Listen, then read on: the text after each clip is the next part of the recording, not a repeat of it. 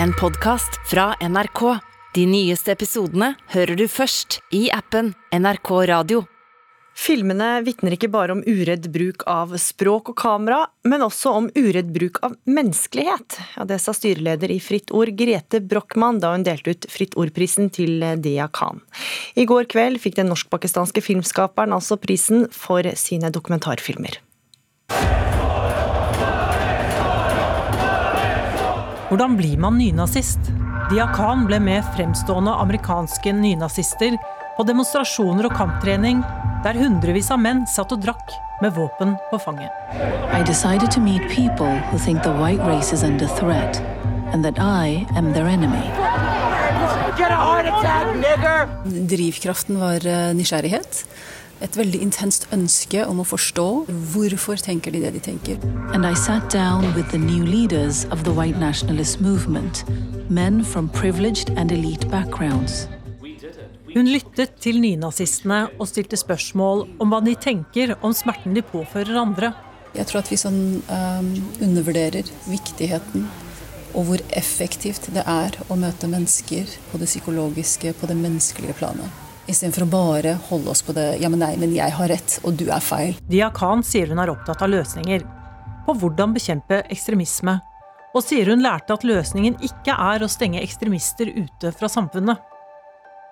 Ja, det er absolutt det motsatte. De tjener på cancel culture. De vil bli sett på som sterk og farlig og tøff, og noe som vi ikke klarer å gjøre noe med. Det gir dem egentlig mer styrke, og det jeg fant og lærte veldig veldig kjapt, var at det å møte dem som mennesker var mye sterkere. Men på en samling begynte noen av dem å følge etter henne og true med å drepe henne mens hun filmet.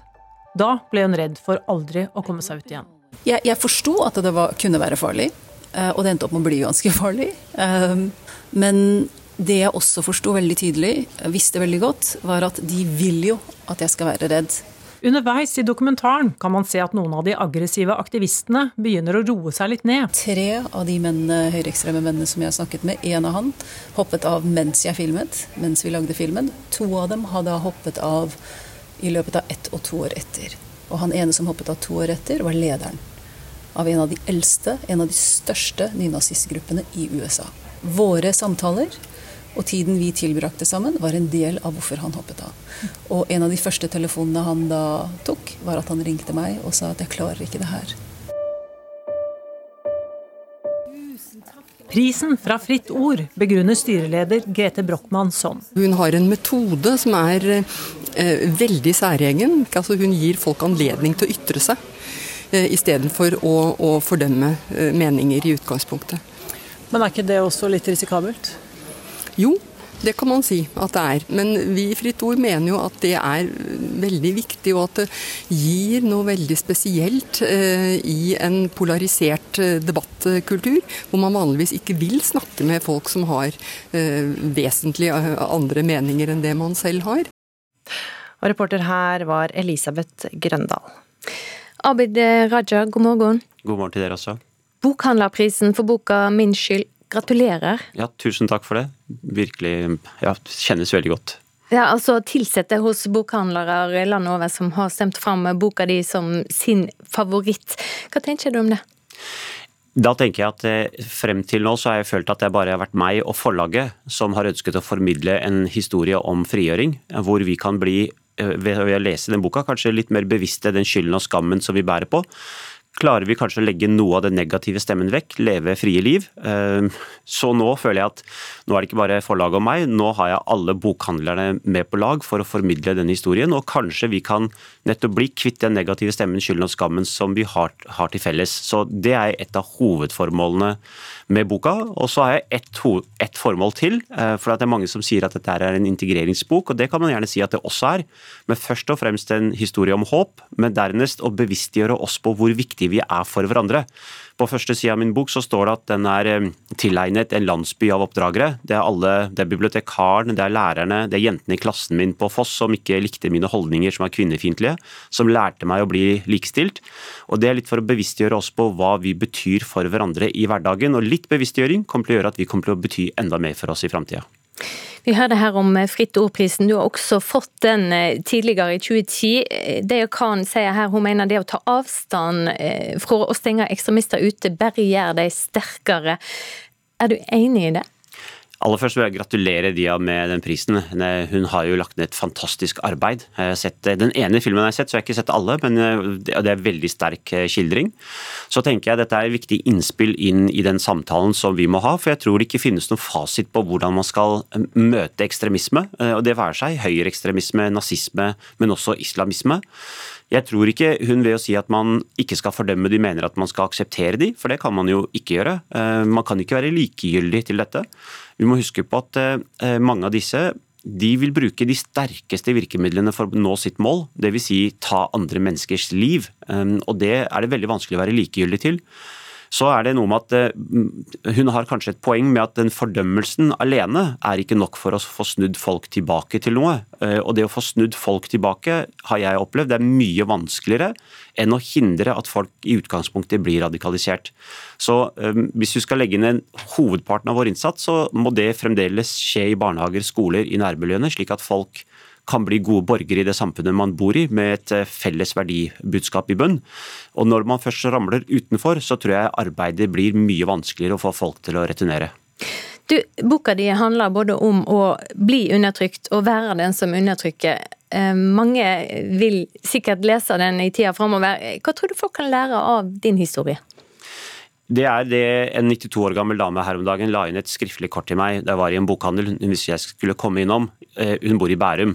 Jeg vet ikke hva en 92 år gammel dame i beste Bærum og jeg har til felles. Og det skrev hun også, at hennes liv hadde vært helt forskjellig enn min.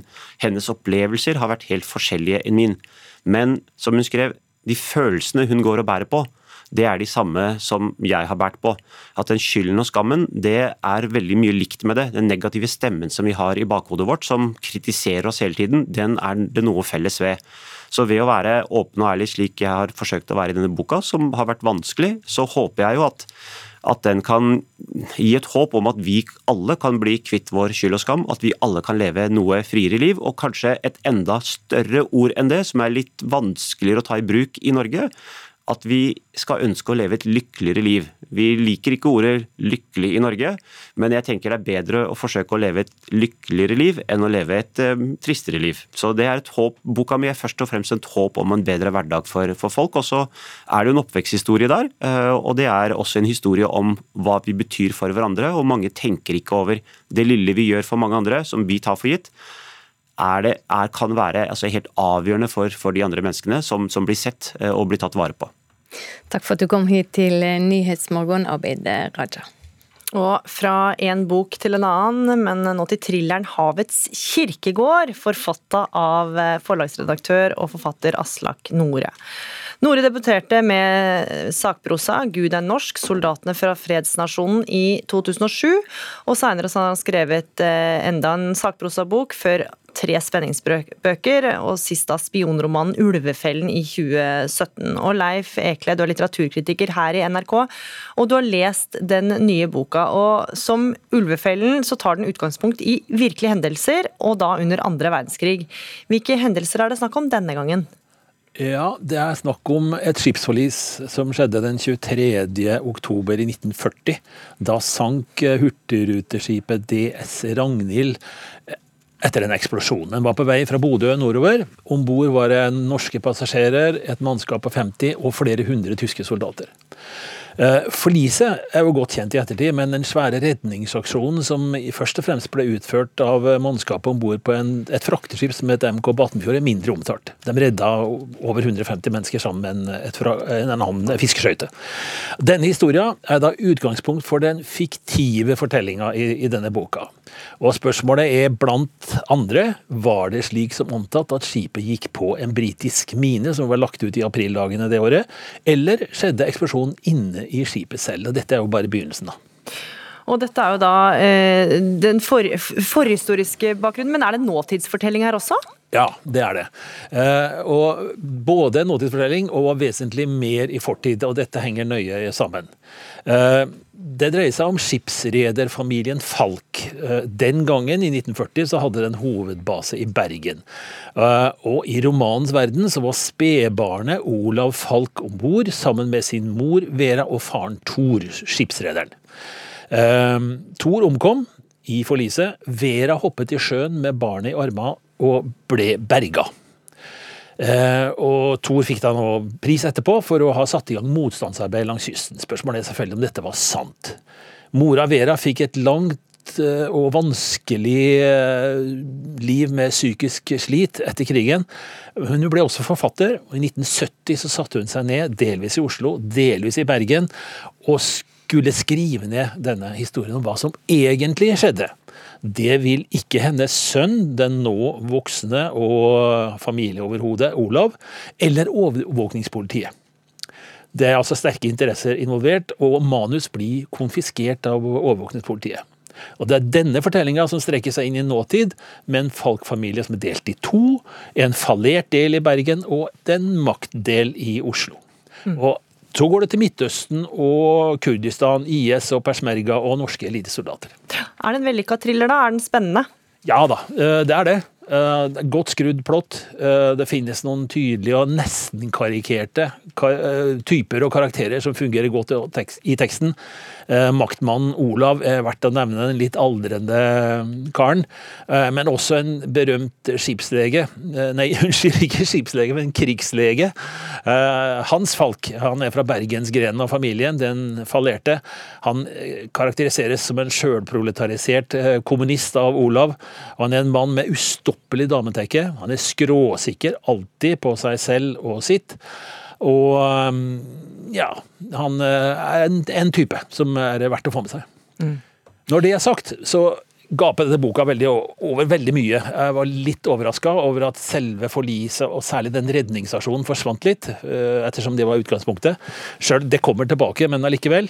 Eh, hvis tanken var at den skulle si noe om politikk politikkens og makt- og verdenskonflikter, så er det nok litt for tynt. Mm. Leif Ekle, eh, anmeldelsen din kan leses i sin helhet. Den ligger ute nå på nrk.no. Takk for anmeldelsen her i Nyhetsmorgen.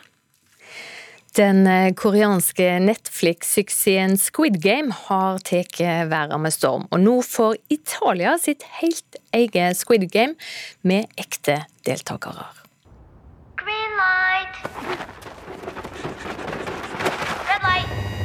지금 이 자리에 계신 여러분들은 모두 감당할 수 없는 빚을 지고 삶의 벼랑 끝에 서 계신 분들입니다. Ja, Det var altså et eh, lite utdrag fra Netflix-serien. Kulturreporter Jonathan Gåthaug Nilsen, fortell om det som skal skje i eh, Milano i Italia. Ja, Det blir i hvert fall ikke dødelige leker. Um, når Enigma Rooms åpner en simulatorversjon av disse lekene. det blir en typeaktighet lik de escape room-opplegg vi har her i Norge. Hvordan skal Italias eh, Squid Game eh, foregå? Det vil jo inneholde mye av de samme lekene vi kjenner fra serien. Rødt og grønt lys og skjære ut former i den kjeksen. Eh, deltakerne vil bli henta på bestemte møteplasser, bli tatt bind for øya, og så frakta videre i en varebil til der lekene vil foregå. Og der møter de rundt 50 deltakere som kjemper om litt forskjellige ting. En helt ufarlig versjon av lekene. Men kanskje litt skummel eh, likevel. I serien får vinneren 45 millioner koreanske won i premie, ca. 350 000 kroner. Er det premier å hente i Italia òg? Ja, det blir litt premier, men så stor premie blir det dessverre ikke. Eh, men vinneren står igjen da med en gratis inngang til valgfritt spill eh, fra samme arrangør. Så må vi vel gå ut fra at de betaler for å være med. Ja, det koster en liten eh, billettpris. Takk skal du ha, kulturreporter Jonathan Gåthaug Nilsen. Du har hørt en podkast fra NRK. De nyeste episodene hører du først i appen NRK Radio.